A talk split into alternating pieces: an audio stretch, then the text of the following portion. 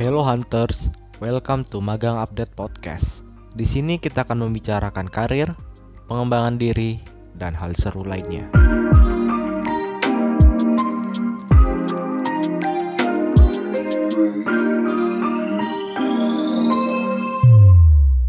Selamat datang di episode ke-21 Magang Update Podcast. Sebelum kita mulai, aku mau memperkenalkan diri terlebih dahulu ya. Perkenalkan nama aku Marsyanda Farah Nafiana. Di sini aku sebagai Business and Partnership Development Magang Update yang akan menjadi host podcast kita pada malam hari ini.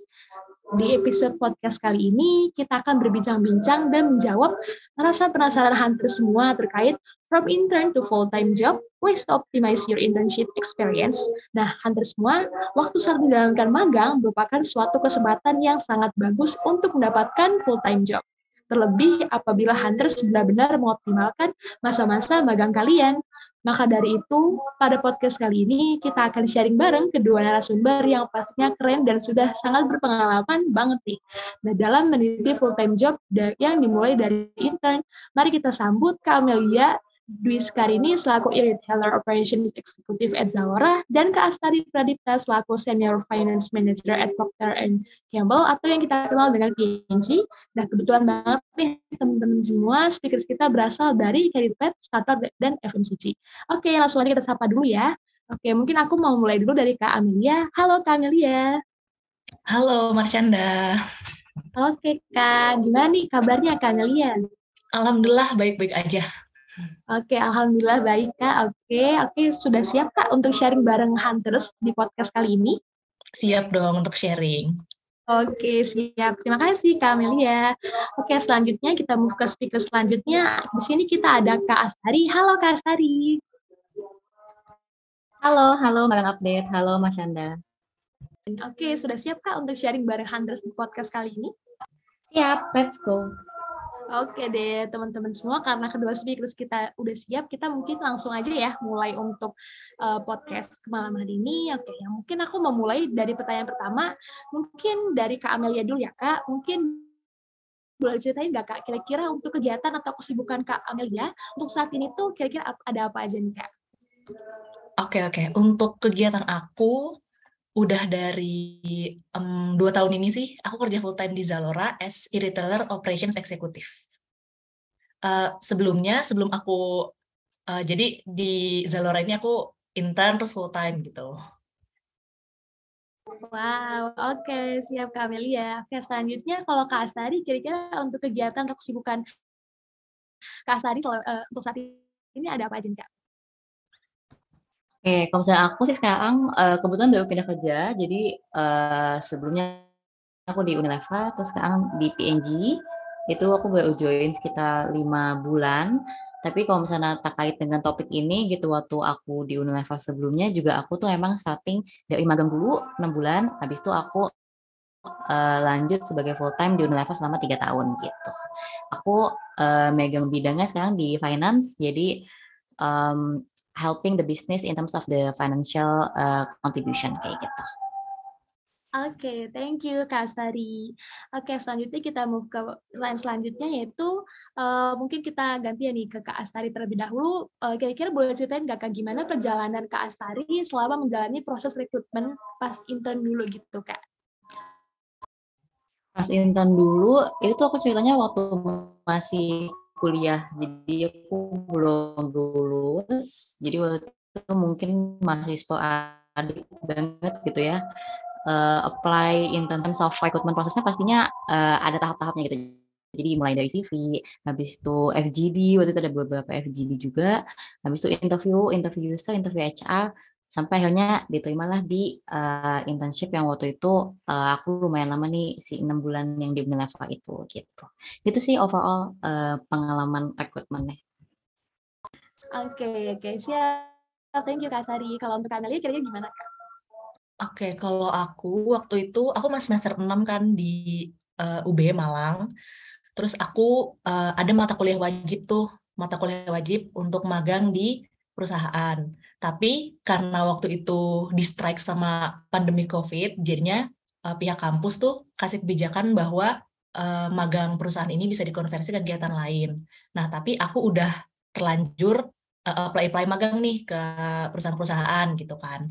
Uh, terus akhirnya uh, magang kuliah aku tuh aku ganti ke kegiatan lain dan jadinya uh, pas aku keterima magang di Zalora itu jadinya udah udah nggak untuk magang kampus lagi gitu. Jadi untuk aku kerja gitu sih. Oke. Terima kasih Kak Amelia. Jadi teman-teman tadi kalau Kak Asari itu uh, dari mulai ada tahapan dari mulai CV, terus kemudian ada juga um, FGD ya Kak, terus ada juga HR interview. Kalau misalnya Kak Amelia itu tadi dimulai dari mata kuliah wajib magang, eh ternyata ada rezeki gitu ya, apa ada tawaran kerja full time gitu. Bener banget. Oke deh. Oke, okay, thank you kakak semua. Uh, selanjutnya, um, kira-kira kalau misalnya dari Kak Anelia sendiri nih, kira-kira kenapa nih tertarik untuk memilih intern di company Zalora ini dan juga di posisi um, Kak Amelia sekarang gitu dan apakah kira-kira untuk posisi ini tuh sesuai gitu dengan karir path atau karir goals yang diinginkan oleh Kak Amelia? Oke oke. Uh, jujur waktu aku apply apply intern tuh, aku sebenarnya emang tertarik sama e-commerce karena uh, menurut aku tuh di sana masih muda-muda gitu. Jadi uh, aku nggak bakal sungkan untuk nanya atau apa sharing sama kakak-kakak yang menurut aku tuh uh, jarak umurnya masih nggak terlalu jauh dari aku gitu. Terus uh, kalau untuk kalau untuk sesuai dengan career path yang aku inginkan sih, jujur waktu itu aku belum punya yang gambaran jelas banget aku nih mau ke mana gitu. Jadi makanya aku apply uh, di e-commerce e-commerce uh, Jakarta gitu kan. Tapi aku cuma pengen uh, uh, supaya divisi aku nanti di kerjaan itu lain sama uh, jurusan kuliah aku sih. Aku kan kuliah administrasi bisnis, jadi supaya nggak terlalu jauh gitu belajarnya. Alright, oke, okay. thank you Kak Amelia. Berarti emang kalau misalnya startup itu kan uh, apa ya kayak penuh dengan jiwa-jiwa energi atau jiwa-jiwa muda gitu ya. Mungkin beda nih dengan kayak instansi pemerintahan yang mungkin kayak lebih formal gitu atau kita tuh kayak uh, lebih harus menaati atasan-atasan kita mungkin yang lebih banyak senior gitu ya kak. Oke deh, thank you kak Amelia. Ke selanjutnya kita uh, kalau dari kak Astari sendiri kira-kira gimana nih kak? Uh, jadi tadi kenapa uh, aku investasi untuk magang itu simply karena waktu aku masih kuliah itu uh, aku masih bingung gitu aku mau mau kerja di mana sih gitu aku tuh aspirasinya mau ke mana in terms gitu nah uh, yang aku tahu waktu saat itu adalah yaudah aku tuh pengen uh, tetap di bidang yang sama di uh, jurusan kuliah yang aku pelajarin gitu. Tapi in terms of company itu aku masih bingung. Jadi waktu itu yang aku putusin makanya kenapa magang karena aku ngerasa dengan magang tuh jadi ada trial period gitu sebelum kita benar-benar jadi employee di company tersebut gitu. Jadi waktu itu aku nyobain um, magang di pemerintahan waktu itu di BI habis itu nyobain juga di startup untuk aku nyobain di Gojek habis itu akhirnya aku cobain juga di swasta gitu di Unilever simply karena aku kepo aja sih gitu. Sebenarnya aku tuh cocoknya di mana apakah aku cocoknya di startup yang energetik dan fast pace atau di pemerintahan yang lebih formal tadi? Uh, jadi kenapa aku magang karena itu sih Oke, siap. Thank you Kak Astari. Jadi emang bener banget ya teman-teman kalau yang dikatakan Kak Astari tadi emang kalau masa magang ini tuh emang seperti kayak trial and error gitu ya. Kita mungkin istilahnya tuh sering banget ya kita dengar kayak anak kuliah tuh kayak proses mencari jati diri gitu. Nah ini mungkin salah satunya ini magang ini bisa membantu kita untuk menemukan suatu passion gitu mungkin yang populer di anak muda sekarang atau misalnya apa sih hal-hal yang benar-benar kita sukain atau benar-benar ingin kita lakukan gitu. Oke, siap Kak Astari. Thank you. Nah, selanjutnya kita move ke pertanyaan selanjutnya. Um, kira-kira kalau misalnya uh, dari Kak Astari sendiri, kan tadi udah banyak nih kayak mencoba untuk um, apply di berbagai company dan mungkin juga berbagai posisi yang berbeda gitu. Dan kira-kira kalau dari Kak Astari sendiri, um, apa aja mungkin hal-hal yang harus dipertimbangkan atau consideration apa aja yang um, ketika kita itu ingin apply di suatu company atau di suatu posisi gitu dan apakah kira-kira itu lebih penting dari mungkin brand atau misalnya well known atau enggak company tersebut gitu apakah kita uh, mungkin lebih seru untuk intern di company yang besar gitu yang udah punya nama besar atau misalnya uh, kita lebih kayak memprioritaskan posisi yang um, ingin kita raih gitulah di suatu perusahaan tersebut gitu jadi antara company atau misalnya positionnya gitu. Oke, kalau dari Kasari boleh silakan. Oke, okay. uh, eh, idealnya sih pastinya um, posisinya yang emang kita mau, habis itu company yang memang well known. Sebenarnya in terms of company yang well known tuh simply menurut aku supaya boost our credibility gitu sih. Uh, karena kan ketika aku sih ngerasanya waktu itu kuliah tuh aku lumayan takut karena akan saingan sama banyak banget orang nih gitu. Terus uh, jadi masih butuh untuk kayak building credibility di CV aku gitu. Nah makanya aku ngerasa ya well known company itu akan membantu dalam segi itu. Tapi sebenarnya menurut aku sih kalau misalnya kita harus milih, aku akan tetap stick uh, dan rekomendasiin untuk uh, lebih fokus ke posisinya sih. Karena uh, mau di well known company atau mau di company yang uh, masih starting gitu, kalau misalnya uh, posisinya itu emang yang kita suka, yang kita interested dan emang sejalan dengan apa yang mau kita uh, jalanin di ke depannya gitu udah full time, itu pembelajarannya pasti mau les akan akan membangun gitu. Uh, jadi kenapa misalnya aku waktu uh, apply magang pun yang nggak jauh-jauh dari business development atau misalnya dari finance, karena simply ya memang itu yang aku interested dan aku tahu ketika aku interested itu ya aku pasti akan melakukan internshipnya itu sepenuh hati gitu. Jadi uh, dengan sepenuh hati itu kan jadinya aku juga dapat pembelajaran yang oke. Okay. Habis itu aku bisa dapat eh, bisa ngambil pelajaran tersebut buat dipromoin untuk kesempatan selanjutnya gitu kan. Jadi menurut aku sih lebih ke positionnya. Tapi uh, pastinya ya it's an option for everybody gitu. Uh, tapi kalau misalnya aku bisa recommend choose position first. Tapi kalau misalnya bisa dua-duanya it would be uh, better for you guys. Gitu. Oke, okay, alright, thank you Kak. Jadi kalau Kak Astari sendiri itu lebih merekomendasikan untuk posisinya dulu ya Kak, mungkin karena kan kalau misalnya kita emang benar-benar suka atau misalnya kita mungkin memiliki kompetensi yang lebih untuk posisi tersebut, itu pasti juga akan menunjang performa kita gitu dan juga pastinya akan lebih baik gitu lah performa kita di situ dan mungkin bisa juga kita akan lebih besar juga nih chance-nya untuk mendapatkan peluang untuk full time nanti gitu. Tapi kalau misalnya bisa diseimbangkan juga, kita misalnya bisa um, coba apply juga untuk di well company itu juga bisa banget gitu ya teman-teman semua karena kan bisa juga untuk uh, boost our creativity dan juga pastinya bisa mempercantik CV kita gitu lah ya. Oke deh, ya thank you Kak Astari. Mungkin kalau dari Kak Amelia sendiri kira-kira gimana Kak? Gitu. Kalau consideration-nya gitu. Oke okay, oke, okay. aku setuju banget sama yang Kak Astari bilang, uh, sama mau nambahin aja.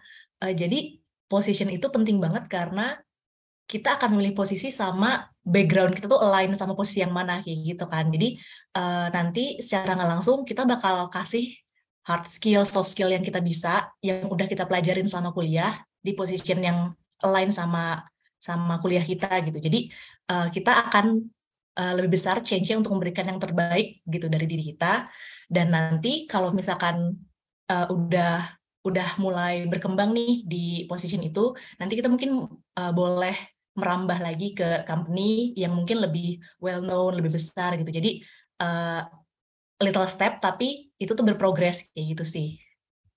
Oke, okay. thank you Kak Amelia. Jadi emang berarti kalau dari sumber kita, kita itu emang lebih mungkin bisa ini ya pakai choose your position first baru nanti kalau misalnya ada peluang juga di Baldan Company juga boleh banget. Karena nantinya kalau misalnya kita bisa menyimbangkan antara soft skill dan hard skill di posisi yang kita lain gitu apalagi dengan jurusan kita itu juga pasti bakal menunjang um, pekerjaan kita ya pekerjaan yang akan kita lakukan gitu. Oke deh thank you kakak semua. Nah tadi kan kalau misalnya kakak berarti kan cukup lain ya dengan jurusan kakak semua gitu. Nah kalau misalnya um, oke. Okay. kalau misalnya kan ini mungkin udah cukup populer juga gitu ya di antara teman-teman mungkin teman-teman mahasiswa lainnya yang kayak ingin nyoba-nyoba intern atau misalnya nyoba-nyoba apply atau punya full time job gitu di posisi yang bener-bener kayak jauh banget gitu lah sama uh, jurusan kuliah mereka gitu. Nah kalau misalnya dari perspektif kakak sendiri itu kira-kira um, gimana dan kira-kira hal-hal apa aja nih yang harus Hunter siapkan mungkin untuk kayak memperbesar peluang mereka gitu dan cara meyakinkan rekruternya itu tuh gimana sih kak gitu biar mereka tuh yakin kalau misalnya mereka tuh bisa apa yang mendapatkan kesempatan gitu lah untuk intern di posisi tersebut walaupun mungkin sebelumnya tuh kayak belum terlalu relate banget gitu lah dengan jurusan mereka gitu. Oke, mungkin boleh dari Kak Amelia terlebih dahulu. Oke, okay, oke. Okay. Uh, eh, ini uh, purpose kita kan supaya kita direkrut ya, supaya kita uh, diterima gitu uh, internnya. Kalau menurut aku sih, aku nih berangkat dari aku nggak punya pengalaman sama sekali. Aku cuma di kuliah tuh uh, kepanitiaan sama organisasi aja dan aku uh, apa namanya intern tuh udah apply banyak banget tapi kan belum keterima. Jadi pas kemarin Zalora intern aku yang pertama itu keterima, aku tuh bener-bener work hard banget buat apa namanya bikin CV aku supaya uh, ke screen gitu kan supaya bisa uh, keterima. Jadi uh, menurut aku selain bekal yang udah kita punya uh, sebagai sebagai apa namanya pas waktu kuliah dulu uh, selain kepanitiaan organisasi uh, coba ikut-ikut uh, kayak course terus yang kayak license certification kayak gitu sih. Jadi misalkan kayak uh, course-course online kan banyak tuh yang yang gratis pun banyak. Jadi supaya untuk menambah uh, nilai plus gitu di CV aku selain aku yang belum punya belum punya pengalaman apa pun nih jadi bisa lebih meyakinkan dan lebih ekstra lagi uh, supaya bisa uh, keterima gitu di di company itu dari aku itu sih Alright, thank you Kak Amelia. Jadi bener banget ya teman-teman. Mungkin teman-teman bisa juga nih kayak mencoba um, bootcamp bootcamp gitu atau misalnya pelatihan pelatihan gitu atau course untuk mendapatkan certification gitu kan lumayan banget gitu ya bisa mendapat bisa menambahkan value gitu nantinya di CV teman-teman dan juga pastinya bisa um, mempercaya recruiter gitu lah ketika mulai menyeleksi CV teman-teman semua. Oke, selanjutnya kalau dari Kak Astari gimana nih? Oke, mungkin aku sebenarnya echoing tadi yang udah Amelia sempat sebutin sih. Jadi di sana temen aku tuh waktu itu pernah ada case kayak dia tuh sebenarnya jurusannya biologi. Tapi di tengah-tengah dia kuliah gitu dia tuh nyadar bahwa kayaknya dia nggak mau kerja di bidang biologi gitu. Dia tuh sukanya adalah uh, bidang itu marketing.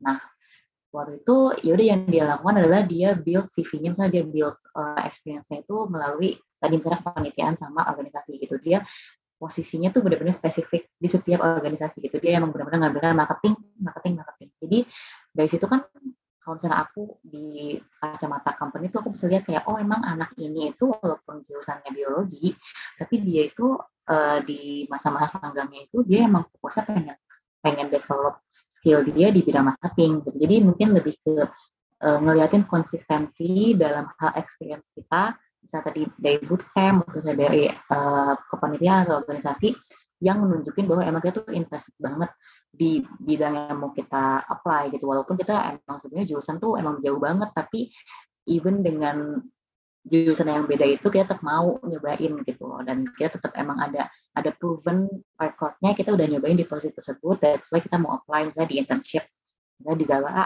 untuk mau jadi tim marketingnya gitu kayak gitu sih. Jadi uh, mungkin memperlihatkan konsistensi dan proven um, proven interest dalam bidang yang mau dituju. Oke, okay, alright, thank you Kak Astari. Jadi benar banget ya teman-teman semua. Jadi kalau dari Kak Astari sendiri itu, itu ya mungkin uh, teman-teman hunter semua boleh nih dari dari sekarang itu kayak mulai memperbanyak berbagi pengalaman gitu. Dari mulai um, organisasi, kepanitiaan atau misalnya kegiatan volunteer atau misalnya kegiatan lainnya yang lain gitu dengan posisi yang teman-teman inginkan gitu nantinya ketika bekerja nanti dan kalau bisa usahain tuh kayak konsisten gitu posisinya. Jadi emang teman-teman tuh memiliki lebih banyak pengalaman dan juga juga kemampuan pastinya melalui um, pengalaman pengalaman teman-teman pas kuliah nanti gitu. Jadi kayak apa ya sedikit-sedikit nanti menjadi bukit gitu lah teman-teman. Oke deh, selanjutnya kita move ke pertanyaan selanjutnya. Oke, kira-kira kalau dari kakak semua uh, gimana nih kak kegiatan sehari-hari kakak-kakak ketika magang gitu dulu dan project boleh ceritain nggak kak project apa aja yang dulu dikerjakan oleh Kak Asari dan juga Kak Amelia. Mungkin boleh kita mulai dari Kak Asari terlebih dahulu.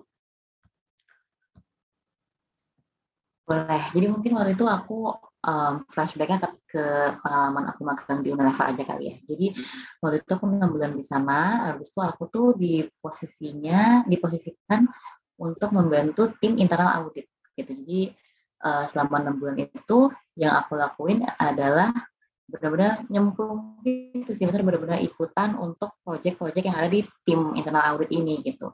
Ini sih sebenarnya aku lumayan uh, bukan lumayan ya aku benar-benar bersyukur gitu bisa bisa dapat experience ini karena bukan cuman misalnya uh, diminta bantuan untuk pekerjaan yang lumayan apa ya bukan pekerjaan yang lumayan gampang tapi maksudku kalau misalnya dalam dalam masa magang kan aku pengen benar-benar nyobain juga gitu uh, tadi aku bilang pengen trial gitu kan.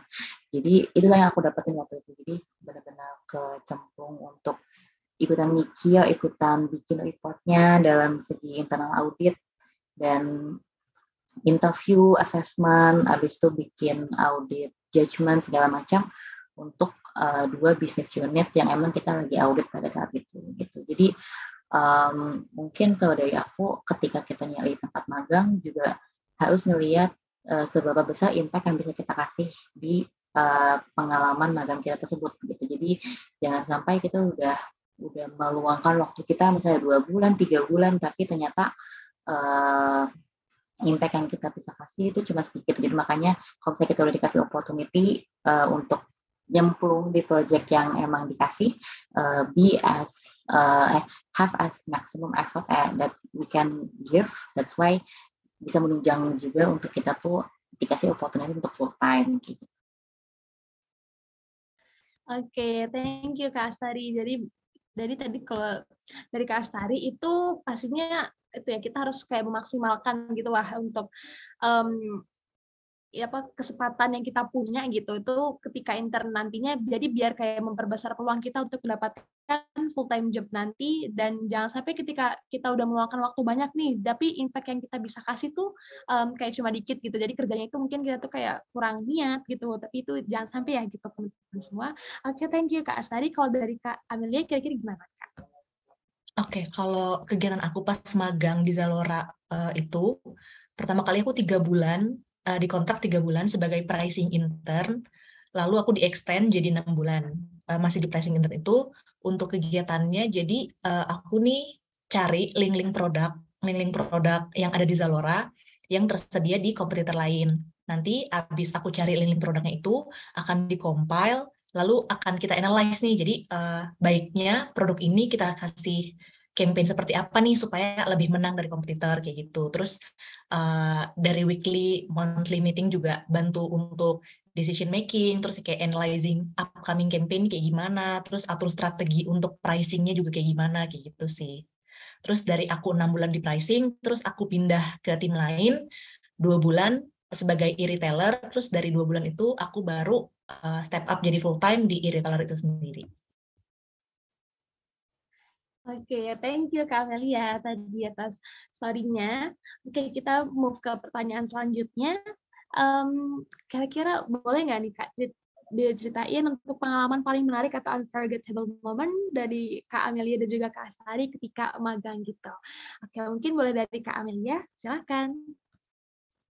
Oke, oke. Kalau pengalaman paling menarik, jadi uh, ternyata nih project pricing aku tuh uh, pas aku di Zalora baru ada di Indonesia doang. Meanwhile Zalora, Zalora kan ada di Filipina, Singapura kayak gitu kan. Terus ternyata nih project pricing ini baru ada di Indonesia doang.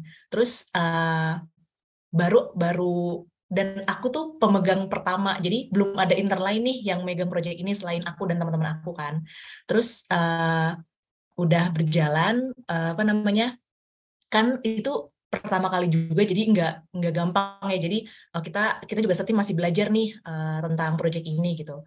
Terus uh, kalau menurut aku sih yang paling berkesan buat aku waktu itu sampai uh, proyek ini tuh dinotis sama tim regional gitu. Jadi uh, tim regional yang ada di Singapura tuh sampai uh, notis apa namanya kalau misalkan tim Indonesia nih wah inisiatif banget nih sampai bikin project kayak gini. Terus kayak uh, aku akhirnya aku dan teman-teman aku sampai dimintain tolong juga untuk uh, kerja di apa namanya kayak kerja bantuin tim regionalnya gitu sih. Jadi kayak senang banget itu karena project pertama terus dinotis sampai uh, ke tim regional gitu sih.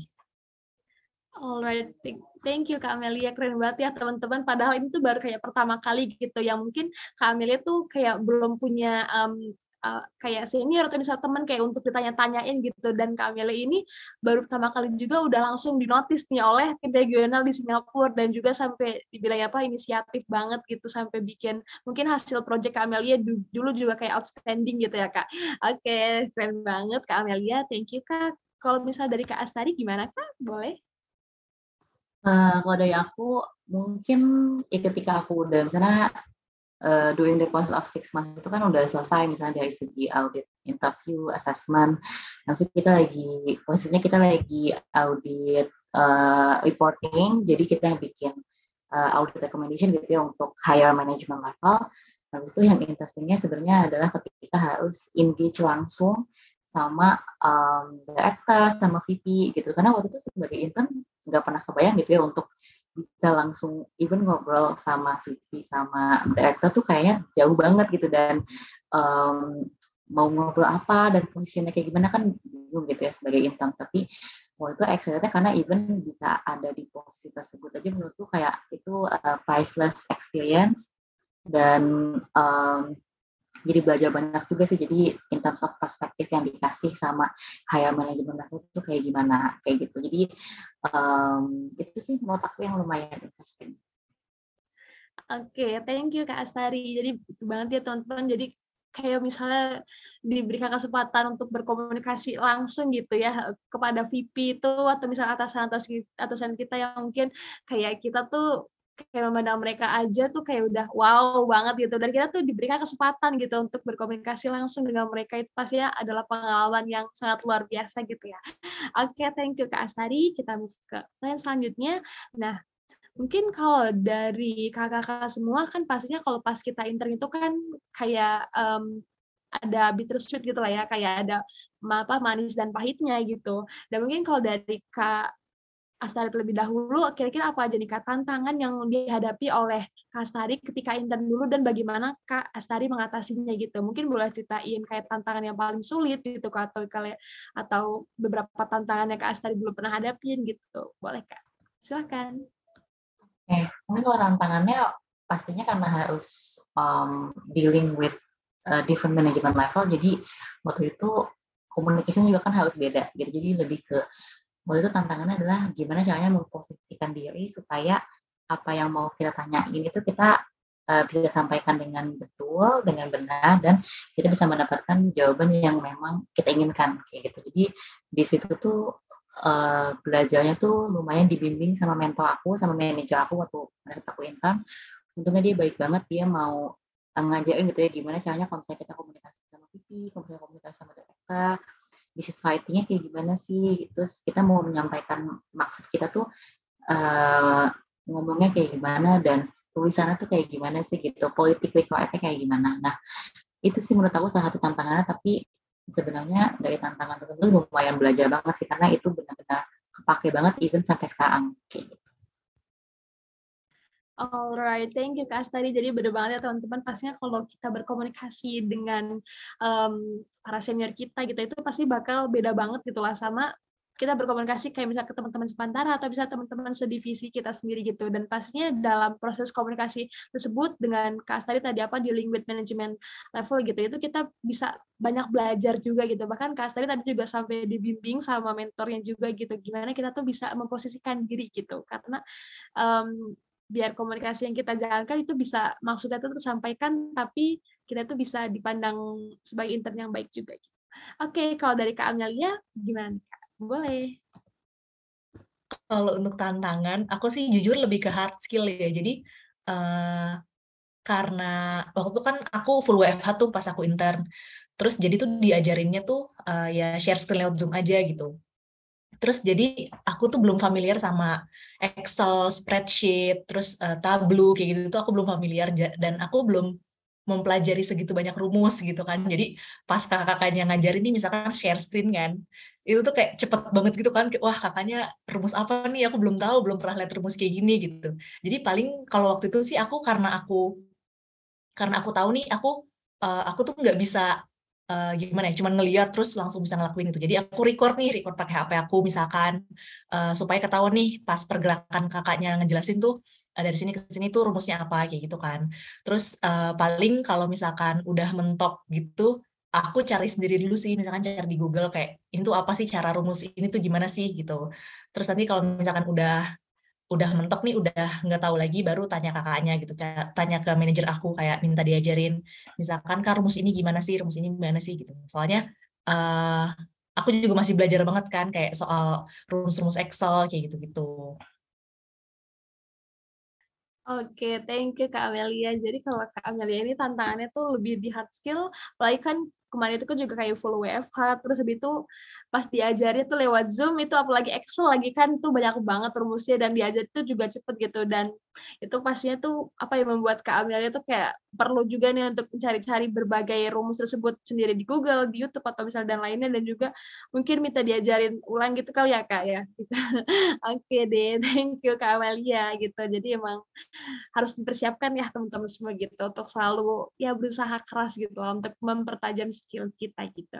Oke, selanjutnya pertanyaan selanjutnya itu um, mungkin aku mau mulai dari Kak Amelia terlebih dahulu. Gimana Kak cara Kak Amelia dulu tunjuk untuk menyeimbangkan antara magang dan kegiatan akademik yang kita jalankan gitu.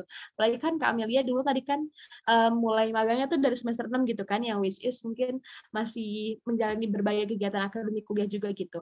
Dan juga itu gimana cara Kak Amelia kayak um, mungkin bisa dari case Kak Amelia lebih dahulu uh, pas dahulu gitu gimana cara Kak Amelia melakukan time management, set priorities atau misal productivity hacks ala Kak Amelia gitu itu gimana Kak gitu.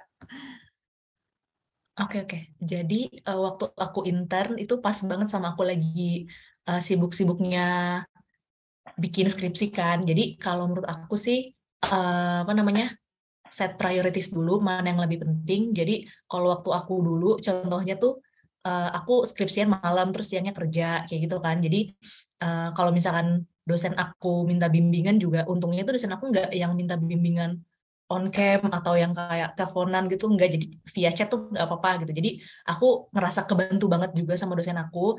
Jadi uh, bimbingan via chat tuh nggak apa-apa. Jadi aku, uh, aku merasa skripsi aku tuh nggak begitu mengganggu pekerjaan aku. Sebenarnya uh, itu sih yang apa namanya yang key pointnya tuh harus set priorities dulu. Terus gimana pinter-pinternya kita nyari waktu aja sih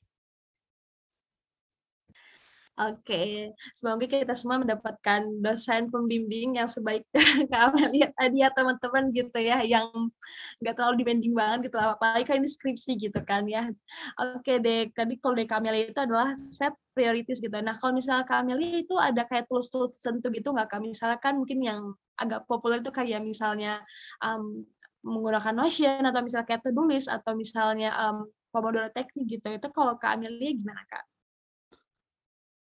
Oh, aku aku senyamannya aku aja sih. Jadi aku nggak terpaku pada uh, apa namanya yang kayak harus gimana banget. Jadi senyamannya aku aja sih. Terus uh, apa namanya yang penting tuh jangan uh, kayak jangan dipikirin kayak sampai aduh gimana nih gitu. Tapi kayak let it flow aja. Terus lama-lama bisa kok lebih ke ngasih afirmasi positif aja ke diri sendiri kayak pasti bisa kok pasti uh, satu-satu pelan-pelan tapi pasti semua akan akan beres kayak gitu sih.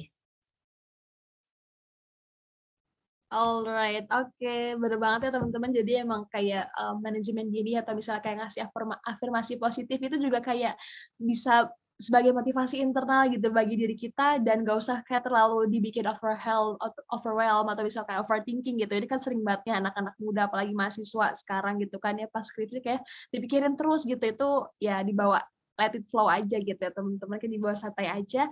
Oke, okay, thank you Kak Amelia. Selanjutnya kalau dari Kak Astari gimana Kak? Boleh.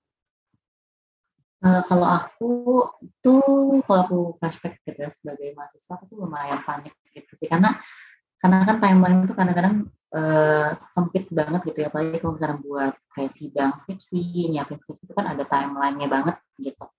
Nah kalau dari aku sih mungkin gimana cara manage-nya itu dengan bikin timetable gitu aja sih simple sebenarnya. Jadi uh, dari setiap semester itu di list down sebenarnya apa sih yang harus diselesaikan di semester tersebut di setiap bulannya itu ada checkpoint yang masing-masing misalnya kalau skripsi itu aku tuh sebenarnya mulai fokusnya itu di ta di semester tujuh semester delapan gitu. Jadi uh, aku tahu ya udah kalau gitu buat uh, waktu magang itu sebelum aku skripsi kalau bisa gitu. Jadi supaya skripsinya bisa fokus gitu kan. Tapi waktu itu juga aku uh, karena keterima magang ini yang mulai levelnya enam bulan jadi aku juga agak agak uh, overlapping tuh between magang sama magang sama skripsi gitu. Jadi ya tadi sih aku echoing yang Amelia udah pernah sebut adalah priority prioritization eh prioritization aja sih sebenarnya gitu. Jadi uh, tentuin sebenarnya yang mana yang paling important pada minggu tersebut habis itu ya udah stick with that dan uh, bikin overall timetable aja yang mana yang harus diselesaikan di bulan-bulan tersebut dan cek aja. Terus kalau misalnya ada yang miss jadi uh, ketahuan gitu. Gitu sih. Oke, siap Kak Astari. Jadi mungkin itu juga kayak kalau dari Kak Astari sini itu kayak bikin timetable juga dan juga itu apa sama juga nih dengan Kak Amelia tadi itu kayak set priorities juga dan kalau bisa tuh emang apa ya jadi bisa pantau nih kayak apa aja nih yang belum kita kerjakan atau misalnya apa aja mungkin yang kita miss gitu ya itu bisa lebih terkontrol gitu lah. Dari adanya um, timetable yang kita bikin gitu. Oke, okay, thank you Kak Astari. Kita mau ke pertanyaan selanjutnya. Nah, ini mungkin kalau ini uh, pertanyaan utamanya gitu ya, yang um, sesuai dengan tema kita pada malam hari. Kira-kira gimana nih Kak? Boleh diceritain gimana proses dari Kak Amelia dan juga Kak Astari dari intern hingga akhirnya mendapatkan offering full-time job gitu. Dan mungkin prosesnya ini bisa um, dari kegiatannya gitu atau misalnya kayak uh, gimana apa yang kira-kira kakak lakukan nih hingga akhirnya mendapatkan offering full time job gitu. Mungkin kita mulai dari Kak Astari terlebih dahulu. Boleh. Jadi waktu itu um, prosesnya lumayan panjang, tapi kalau aku inget-inget tuh sebenarnya emang dari awal banget sebelum eh dari awal banget aku terima magang itu waktu itu aku di, diajak makan siang gitu ya sama mentor aku.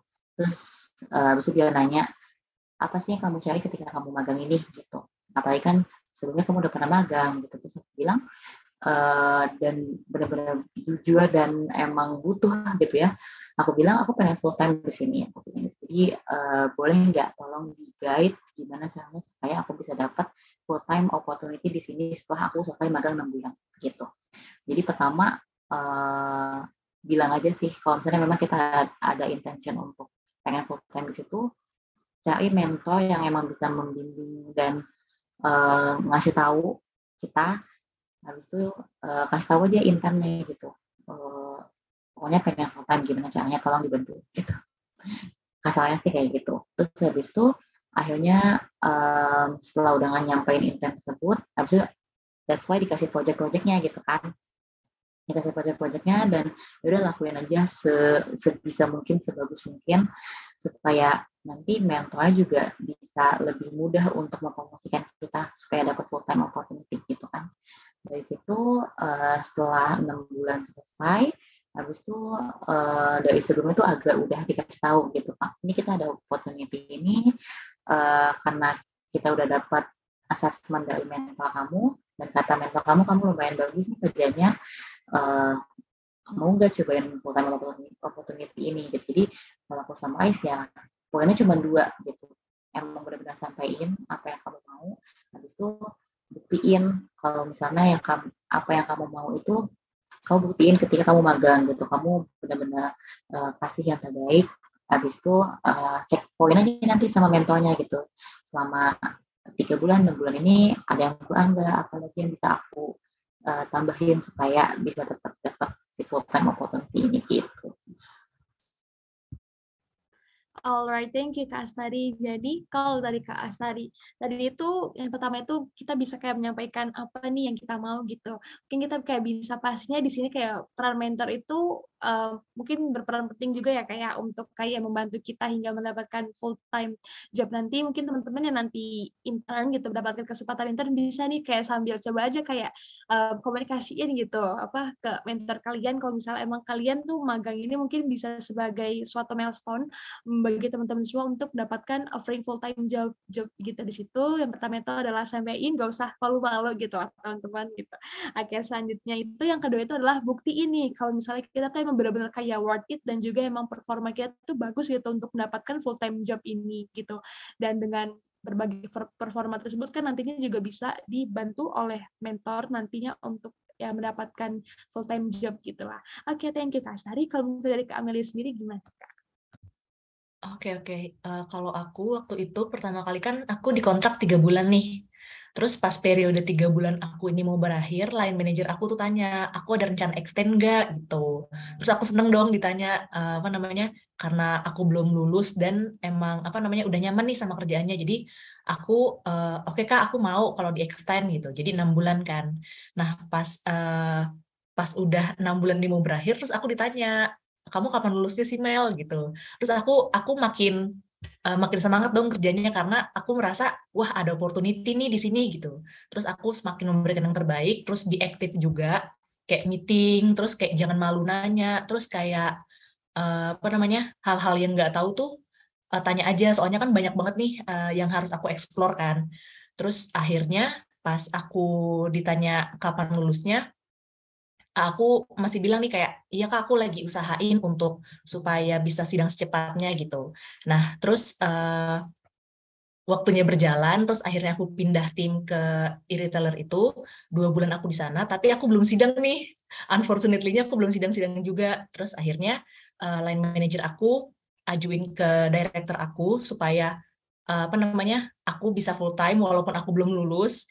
Terus akhirnya uh, director aku uh, reach aku bahwa uh, kamu bisa nggak? Misalkan udah kita kasih over full time tapi kamu bisa lulus secepatnya gitu. Terus aku seneng banget kan kayak wah aku aku nih ternyata bisa loh uh, apa namanya full time uh, apa namanya walaupun aku nih sebenarnya belum lulus gitu kan. Kayak jadi dikasih dikasih kesempatan banget nih uh, aku untuk uh, full time uh, dan untuk lulus cepat tapi udah apa namanya dikasih kesempatan se-early itu gitu kan. Terus akhirnya uh, aku aku komit aku bilang oke okay, aku aku mau nih kak aku mau jadi full time tapi aku nggak nggak terlena juga jadi ninggalin skripsi aku gitu. Aku bakal ngejar secepatnya dan alhamdulillah kira-kira sebulan setelah aku on board jadi full time aku udah sidang dan akhirnya uh, soalnya untuk full time itu dibutuhin ini kan surat keterangan lulus uh, ijazah belum perlu.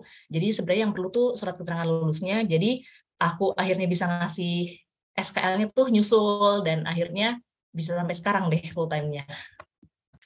Wow, keren banget ya teman-teman semua. Ini kayak misalnya apa ya, sering banget nih yang dimimpikan oleh para mahasiswa itu kayak belum lulus tapi udah dapet full time job gitu. Itu keren banget sih Kak Amelia juga itu bahkan dari pas belum sidang kayak udah ditanya-tanyain dulu gitu ya kayak itu kapan lulusnya nih Kak Amel? Kayak udah di kayak udah di apa ya udah ditandain mungkin nih Kak Amel kayak kerjanya bagus. Jadi kita mungkin kita kasih tawaran aja nih full time. Itu keren banget sih teman-teman semua. Semoga teman-teman para hunter semua yang mendengarkan ini juga bisa menyusul jejak Kak Amelia gitu. Jadi udah dapet tawaran full time bahkan pas masih kuliah gitu.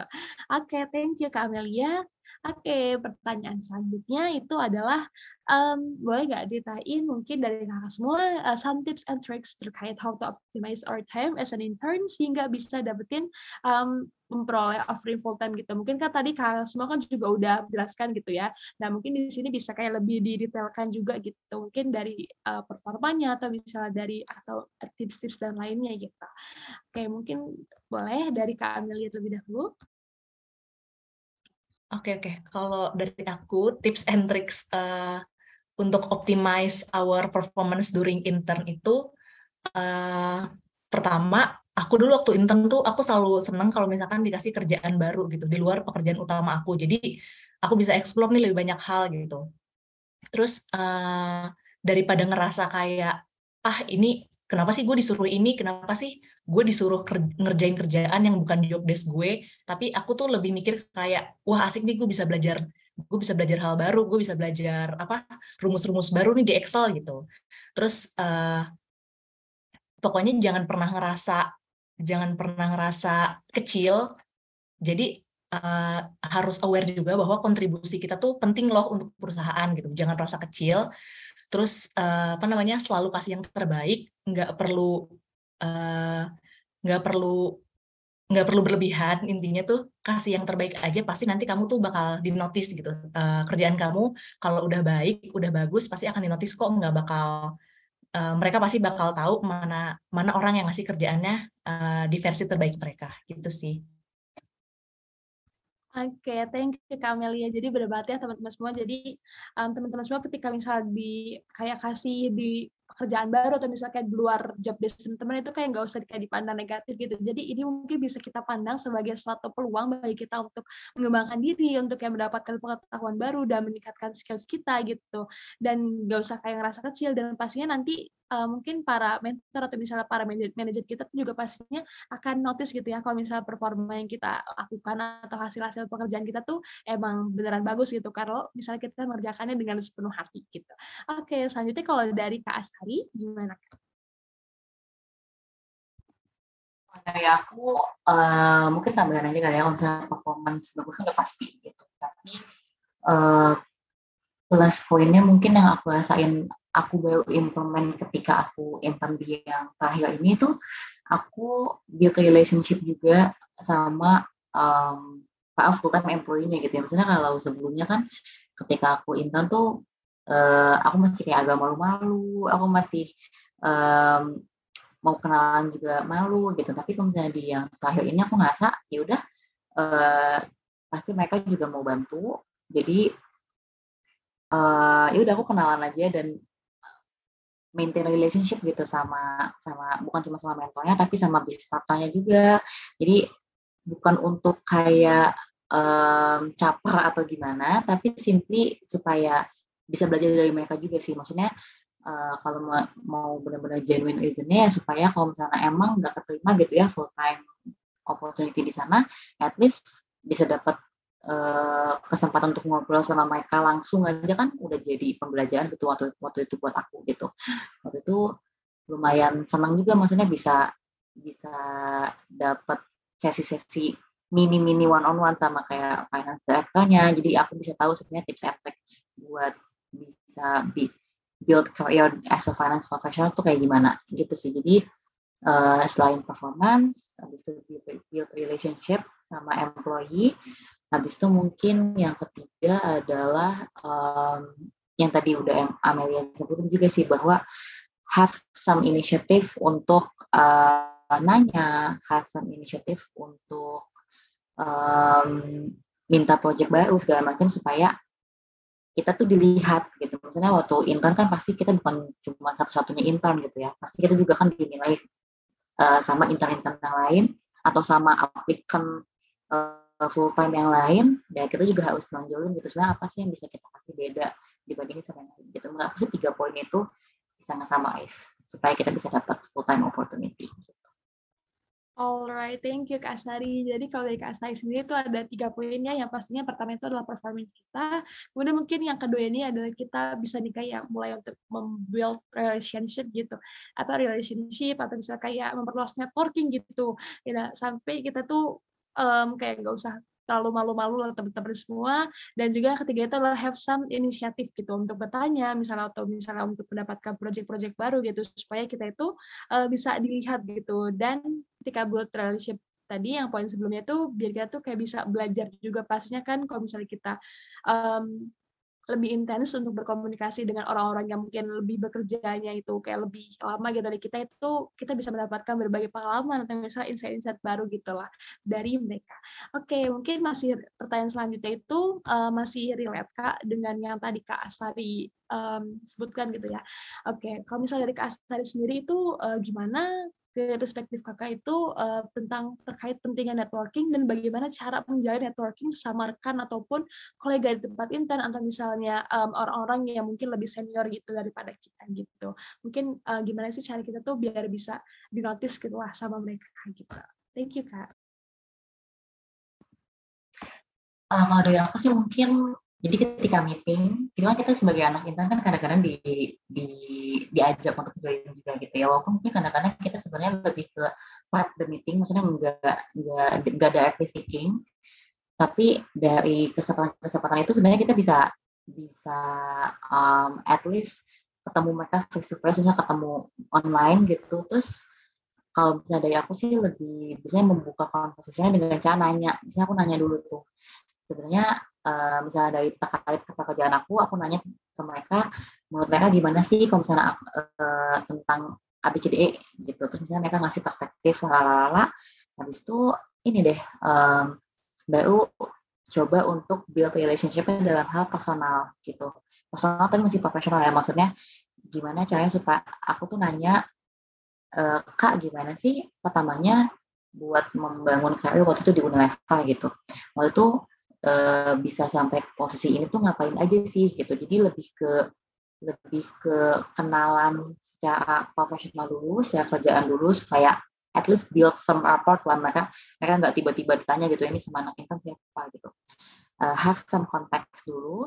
Habis itu baru kalau misalnya kamu bisa ngeliat kayak, oh ini kayaknya orangnya udah lumayan open, udah lumayan, kita udah lumayan kenal gitu dalam satu dua bulan. Nah, baru bisa tuh uh, kita mulai nanya-nanya kayak misalnya kalau aku opening statementnya adalah kak I want to have some 15 minutes talk with you in terms of career are you open to that simply kayak gitu aja gitu biasanya mereka uh, sangat open soal itu sih mereka tuh uh, mau bantu dan mau diskusi supaya kita juga bisa bisa mencapai career yang sama kayak mereka kayak gitu. Oke, okay, thank you Kak Astari.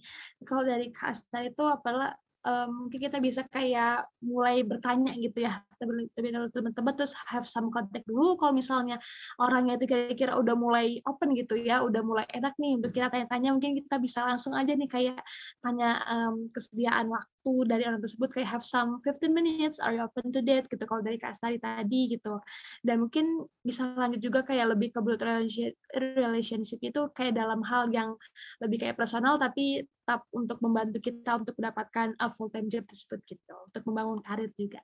Oke, okay, thank you Kak Sari. Kalau dari Kak Amelia sendiri kira-kira uh, gimana Kak untuk tips networkingnya gitu? Oke okay, oke, okay. aku sama uh, setuju sama yang Kak Astari bilang tadi. Uh, pertama mungkin bertanya dulu yang terkait kerjaan, terus juga uh, ini juga nggak berlaku untuk satu tim apa ya, mungkin saya uh, bisa ke tim lain juga gitu. Karena kita kan nggak tahu ke ke depannya bakal bersinggungan atau kerja sama siapa sama siapa gitu.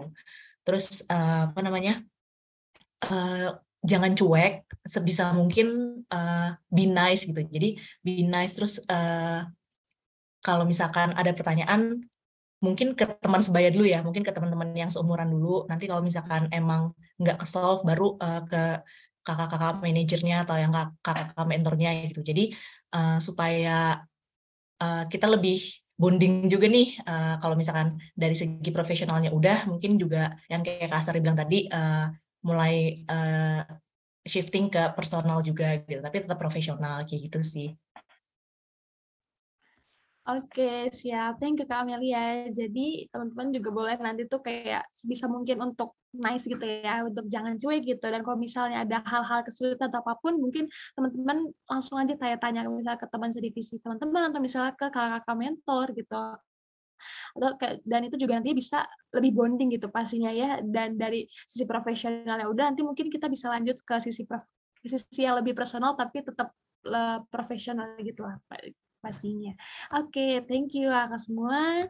Um, selanjutnya itu adalah um, kira-kira apakah ada hal-hal yang sebaiknya dihindari ketika kita menjadi um, intern gitu atau misalnya kayak do and don'ts-nya gitu ketika menjadi um, intern gitu. Mungkin boleh dari Kak Amelia dulu. Oke okay, oke okay. kalau do's and don'ts-nya sih menurut aku as an intern uh, yang pertama tuh jangan jangan menyempelekan pekerjaan. Jadi always kasih yang terbaik gitu. Terus jangan merendahkan diri, jangan jangan merasa kecil, jangan pernah merasa ah intern doang gitu. Enggak, uh, kerjaan kamu tuh pasti berkontrib uh, kasih kontribusi yang besar gitu untuk untuk company. Terus uh, kasih yang terbaik. Jangan yang tadi aku bilang kayak jangan berlebihan, jangan lebay. Uh, pokoknya kasih yang terbaik aja dan nggak usah apa ya, nggak usah buat drama atau gimana gimana gitu sih. Jadi uh, kita di kantor kan untuk kerja nih, jadi ya udah gitu untuk kerja aja nggak perlu yang menyinggung menyinggung siapa-siapa kayak gitu sih. Jadi uh, apa namanya be nice, uh, always give uh, the best version of yourself gitu. Oke, siap. Oke, kalau dari Kak Amelia tadi itu adalah be nice dan juga always be always give the best version of our work gitu lah dari pekerjaan kita dan juga pasti jangan menyepelekan pekerjaan, jangan juga kayak merasa kecil atau misalnya insecure gitu. Ah, ini kayak kerjaan gue, ini kayak nggak terlalu berdampak dan company itu jangan rasa kayak gitu ya teman-teman gitu karena pastinya pekerjaan kita itu akan memberikan kontribusi besar juga lah gitu ke company dan juga gak usah kayak bikin drama atau bisa kayak gak usah terlalu kayak dibawa berlebihan gitu lah ya biasanya ini kayak sesama rekan kantor itu kan kayak ada drama kantor atau apa itu kayak gak usah teman-teman gitu. Kita tetap profesional aja. Oke selanjutnya kalau dari Kak Astari gimana?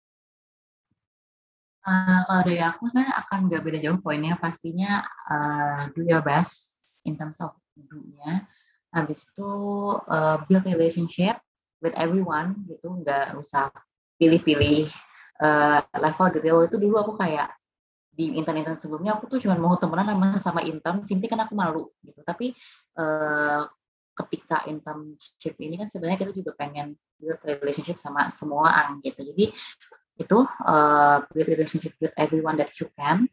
Habis itu uh, lagi mungkin be open to the culture gitu. Jadi sebenarnya menurut aku yang bikin nanti mentor kita tuh melihat kita tuh cocok nggak sih dikasih time opportunity itu tuh bukan cuman gimana kita uh, do our work tapi juga gimana kita tuh fit in gak sih sama company culture-nya gitu jadi uh, menurut aku try to be open to the culture apakah culture-nya misalnya fast pace atau culture-nya misalnya um, lebih formal. Nah, apakah kita bisa adjust to that? Nah, try untuk menyesuaikan diri kepada culture-nya gitu. Tapi kalau misalnya memang uh, nggak uh, bisa dan mungkin just say it gitu. Tapi at least do try to adjust gitu. Kalau don'ts-nya sih mungkin uh, akan banyak, tapi uh, kalau aku sama Ais tadi echoing ke yang Amelia sebutin juga in terms of uh, mungkin have some boundary gitu. Kita sebagai intern juga harus bisa memposisikan diri gitu sih uh, sebagai intern yang memang open dan pengen punya banyak inisiatif tapi kita juga kadang harus tahu kapan kita harus stop atau kapan kita harus pause supaya kita enggak enggak enggak melampaui batas yang harusnya kita sebagai intern tuh cuma bisa ngajain cuma ngajainnya segini aja ya atau misalnya kita sebagai intern itu uh, kita ngerjainnya segini aja. Misalnya kalau misalnya ngerjainnya melampaui dari hal itu, mungkin itu sebenarnya ranahnya untuk manajer karena ada confidentiality issue kayak gitu. Jadi uh, di eh, jangan sampai kita nggak self aware dan nggak aware on the responsibility dan don't-nya lagi mungkin uh, yang tadi sih jangan menyepelekan pekerjaan menurut aku itu yang paling yang paling penting sih jadi uh, jangan sampai menunda-nunda tapi uh, do-nya lebih ke inisiatif. Jadi sebelum ditanya kalau bisa udah ngasih uh, outputnya sebelum ditanya progresnya kita udah minta feedback gitu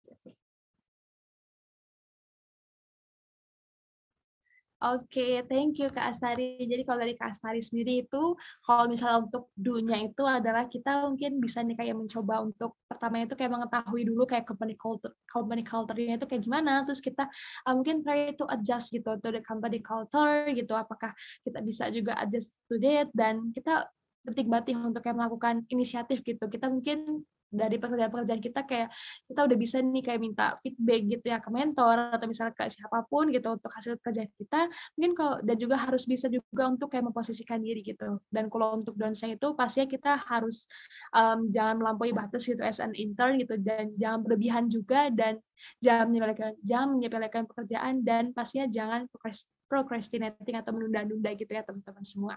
Oke, okay, thank you Kak Astari. Selanjutnya itu adalah um, kan tadi kakak kan juga udah sering nih kayak menyebutkan tentang mentor atau misalnya manajer gitu. Dan bagaimana peran mentor atau misalnya manajer gitu berperan penting nih untuk menunjang performa intern dari yang kakak-kakak jalankan gitu, apakah kakak-kakak juga mendapatkan kayak suatu feedback atau misalnya penilaian gitu, misalnya setiap sebulan sekali kah atau gimana gitu. Itu mungkin boleh ceritain, kita dari Kak Astari terlebih dahulu. Oke, okay, kalau buat case aku, tentunya tanpa mentor aku tidak akan ada opportunity untuk full time gitu ya. Jadi uh, mentor aku itu benar-benar membantu banget gitu benar-benar nge-guide aku banget dari mulai um, pekerjaan day to day-nya sampai in terms of my aspiration juga mereka tuh mau ngedengerin aja aku tuh sebenarnya lumayan bersyukur gitu ya aku bersyukur banget bisa punya mereka kayak gitu. Uh, jadi penting atau enggak penting banget. Apalagi kalau misalnya memang kita udah udah ngelihat di kita tuh pengen banget nih dapat full time opportunity di sini gitu uh, reach out pertama mungkin ke direct manajernya dulu. Misalnya ke di dalam satu tim itu kan pasti ada manajernya kita have some talk with them. Kasih tahu aja misalnya aspirasi kita tuh mau ke mana. Habis itu uh, tanya apakah aspirasi kita tuh possible nggak sih? Misalnya tadi yang kalau case aku ya aku emang pengen full time di situ. Possible nggak sih dari intern ke full time dan apa yang harus aku lakuin? Kayak gitu. Jadi expectation settingnya tuh udah kebentuk Uh, jadi mereka juga udah bisa bantu gitu. Kalau misalnya kita nggak ngomong kan mungkin mereka juga wondering sebenarnya aku mau nggak sih time di sini gitu. terus um, itu dulu sih mungkin menurut aku sih penting banget. Dan mungkin kalau misalnya emang dari satu timnya itu kita belum bisa menemukan mentor yang cocok gitu ya mungkin bisa reach out juga ke HR-nya gitu. Tanya-tanya aja ke uh, tim HR-nya apakah possible gitu untuk kita dapat full time opportunity kalau misalnya emang mau kita jalurnya gimana ya? Gitu kan jadi nggak limited sih sebenarnya. Mentor itu harus siapa? Yang penting kalau menurut aku uh, try to have as much mentor as possible supaya kamu bisa mendapatkan support yang kamu butuhkan untuk mendapatkan si full time itu. Oke, okay, thank you Kak Astari. Jadi try to have um, as much as mentor gitu. Jadi bisa kita mungkin selain mentor itu kita bisa juga kayak reach HR-nya gitu untuk kayak nanya-nanya nih kayak apakah possible untuk kita mendapatkan full time job gitu dan pasnya itu mungkin kita bisa juga have some talk with them gitu kayak ngasih um, aspirasi gitu kita mau ke mana dan juga adalah uh, pastinya untuk peran mentor sendiri itu adalah sangat penting gitu ya teman-teman gitu untuk kita mendapatkan full time opportunity. Oke, okay, thank you Kak Sari. Kalau dari Kamelia gimana Kak? Oke, okay, aku setuju sama yang Kak Astari bilang, yang peran mentor atau manajer nih penting banget, uh, karena uh, at the end tuh yang akan membackup dan bertanggung jawab atas pekerjaan kita kan mentor kita ya, atau manajer kita gitu. Jadi, uh, apa namanya, kita harus uh, uh, harus benar-benar ny apa nyaman nih untuk bekerja sama dia gitu. Nyaman di profesionalnya sama personalnya juga. Jadi uh, aku beruntung banget manajer aku tuh selalu ngajarin hal baru yang di luar kerjaan utama gitu. Jadi ngajarin hal barunya tuh dalam hal dalam bentuk games gitu. Jadi misalkan kayak bikin games Kahoot nih uh, seputar Zalora nih kan uh, company besar. Sementara aku tuh belum belum mengetahui Zalora as a whole company gitu kan. Jadi kayak dibikin games terus kayak siapa yang tahu Zalora lebih lebih banyak nanti dikasih hadiah ya gitu sih. Jadi uh, penting banget guidance dan bimbingan dari bimbingan dari manajer kita. Dan uh, bakalan beruntung banget kalau misalkan dapat manajer yang juga juga kayak ngajak kita untuk involve gitu dalam dalam semua hal kayak gitu sih. Jadi uh, kayak it takes two to tango gitu sih. Jadi uh, kita ini juga harus uh, inisiatif inisiatif yang ke manajer gitu. Tapi manajernya juga kita bakal beruntung banget kalau misalkan dapat manajer yang mau ngajarin kita hal-hal baru gitu sih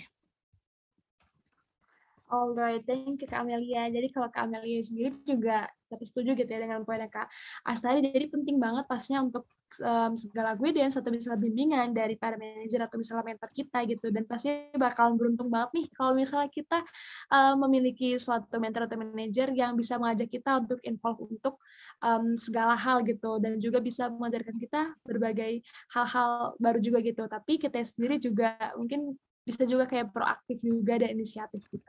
Oke, kakak semua mungkin untuk um, tanpa terasa kita sudah berada di pengunjung acara. Mungkin kalau untuk sebagai penutupnya, kira-kira kalau dari Kak Amelia dan juga dari Kak Sari, apakah terdapat um, closing statement atau misalnya advice gitu untuk para hunters yang masih um, sulit gitu lah, untuk merasa kesulitan gitu dalam mengoptimalkan performanya pada saat internship ataupun ketika mereka um, ingin mengapply inter suatu internship gitu. Mungkin kalau dari Kak Amelia, boleh? Oke, okay, kalau uh, dari aku untuk bisa perform secara optimal tuh kita harus benar-benar pay attention sama segala hal. Jadi biasain untuk pay attention secara maksimal sebelum kita bertanya gitu. Jadi kita harus benar-benar paham nih sama apa yang dijelasin, sama apa yang di di brief gitu. Terus uh, walaupun sebenarnya malu bertanya kan saat di jalan nih, tapi dari kitanya juga juga harus pay attention terus kayak try to understand dulu nih sebelum kita tanya sama uh, mentor atau kakak-kakaknya gitu. Terus uh, jangan malu juga untuk explore karena masih banyak masih banyak yang belum kita ketahui gitu. Uh, mungkin kita ngerasa pengetahuan kita udah bertambah nih, uh, udah step up nih pengetahuan kita udah tahu banyak, tapi sebenarnya yang kita nggak tahu tuh lebih banyak lagi gitu. Jadi uh, untuk bisa terus progres, kita harus uh, berpikir kritis, terus kayak berani untuk explore sih kalau dari aku. Oke, okay, thank you Kak Amelia. Jadi itu eh, pastinya sebelum kita tadi kan kita udah sering banget dibahas kayak kita tuh harus inisiatif atau misalnya kita tuh harus kayak aktif bertanya. Tapi sebelum itu teman-teman mungkin bisa kayak try to understand dulu gitu kayak jadi kita mungkin mulai paham dulu. Jadi biar pertanyaan yang kita ajukan gitu nggak um, kayak pertanyaan berulang gitu. Yang sebenarnya tuh kayak udah ada di modul atau misalnya di bahan yang udah disediakan tapi emang benar-benar pertanyaan baru gitu. Dan juga um, jangan malu juga untuk explore berbagai hal karena pastinya yang kita nggak ketahui itu lebih banyak gitu daripada yang udah kita ketahuin gitu. Walaupun kita merasa kayaknya um, udah ngerti banget di suatu ini tapi ternyata tuh masih luas lagi gitu oke okay, thank you Kamelia mungkin selanjutnya kalau dari Kastari boleh? Uh, kalau dari aku mungkin uh, aku sama ketiga poin kali ya. Kalau aku Masanya as an intern, if you want to optimize itu, we have to be curious, jadi harus penasaran gitu. Nah, jadi anak magang sebenarnya uh, apa sih yang bisa kita kontribusiin di posisi itu? Dan um, have some curiosity in everything sih menurut aku. Karena sebagai mentor, kalau misalnya aku menjadi mentor gitu ya, aku tuh akan senang banget kalau misalnya aku punya anak magang yang uh, punya curiosity yang emang tinggi gitu. Jadi aku tahu bahwa oh emang anak itu emang interested gitu di posisi ini atau anak ini tuh uh, emang rasa ingin tahunya tinggi. Jadi kalau misalnya dia kita kasih tahu, kayaknya dia bisa perform better dari, dari sini gitu. Itu satu. Habis itu dua, uh, be fokus. Jadi uh, selama kita magang tuh kalau misalnya kita mau give our best kita harus fokus gitu ya dalam mengajarkan magangnya gitu. Uh, mungkin ada aja case di mana kita magang tapi harus sambil magang yang lain atau misalnya kita harus sambil skripsian atau kita harus sambil kelas misalnya. Ini menurut aku kita juga harus separate um, between magang dan anything else gitu. Jadi prioritization is the key. Ketika kita magang ya udah yang kita kerjain adalah magang dan supaya uh, kita bisa emang benar-benar set our mind dan um, perform really well in the position. Gitu. Habis itu yang ketiga mungkin be involved. Jadi bukan hanya dari segi pekerjaan, tapi juga dari segi misalnya ada company event atau misalnya ada um, team gathering. Kadang-kadang tuh kan Intan tuh suka dikasih kesempatan untuk kayak mau nggak jadi panitia ini gitu.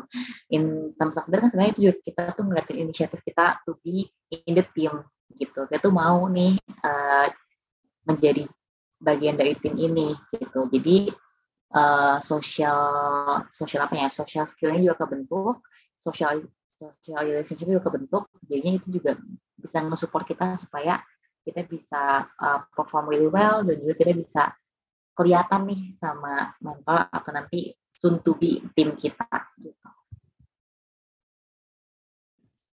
Oke, okay, thank you Kak Astari. Jadi gitu ya teman-teman, jadi itu emang harus bagiannya tuh um, harus have some curiosity gitu. Jadi harus selalu penasaran dan juga pastinya adalah be focused and give our best dan priority is the key is the key gitu. Jadi walaupun teman-teman ada berbagai kesibukan lainnya itu harus tetap berusaha untuk tetap melakukan yang terbaik gitu lah untuk hasil pekerjaan kita. Dan juga misalnya adalah um, be involved gitu. Jadi bukan hanya dari segi pekerjaan bisa juga misalnya teman-teman misalnya ikut kepanitiaan di kantor dan lain-lainnya gitu. Itu juga pastinya penting banget teman-teman. Oke teman-teman semua, tanpa terasa nih kita udah ada di penghujung acara gitu. Aku ucapkan pastinya um, terima kasih banyak kepada Kak Melia dan juga Kak Astari atas kesediaannya untuk meluangkan waktu untuk berbagi insight gitu ya dengan para hunter semua. Kita udah tadi uh, mendapatkan banyak insight ya terkait um, intern to full time job yang berdasarkan dari pengalaman Kak Astari dan juga dan Kamelia dan juga um, semoga dari apa yang telah Kak, Kak sampaikan tadi itu bisa um, mendapatkan bisa menambah insight teman-teman hunter semua gitu dan juga membuat mereka itu semakin siap gitulah untuk melakukan pekerjaan atau bisa intern yang mereka lakukan itu hingga akhirnya mendapatkan full time job gitu. Oke, terima kasih sekali lagi dan sampai bertemu lagi teman-teman ada semua dan di Maga Update podcast selanjutnya gitu. Aku tutup. Terima kasih. Aku Marsha Devanoviana pamit undur diri. Terima kasih. Have a good day. Hello, thank you for listening our podcast. See you in another episode.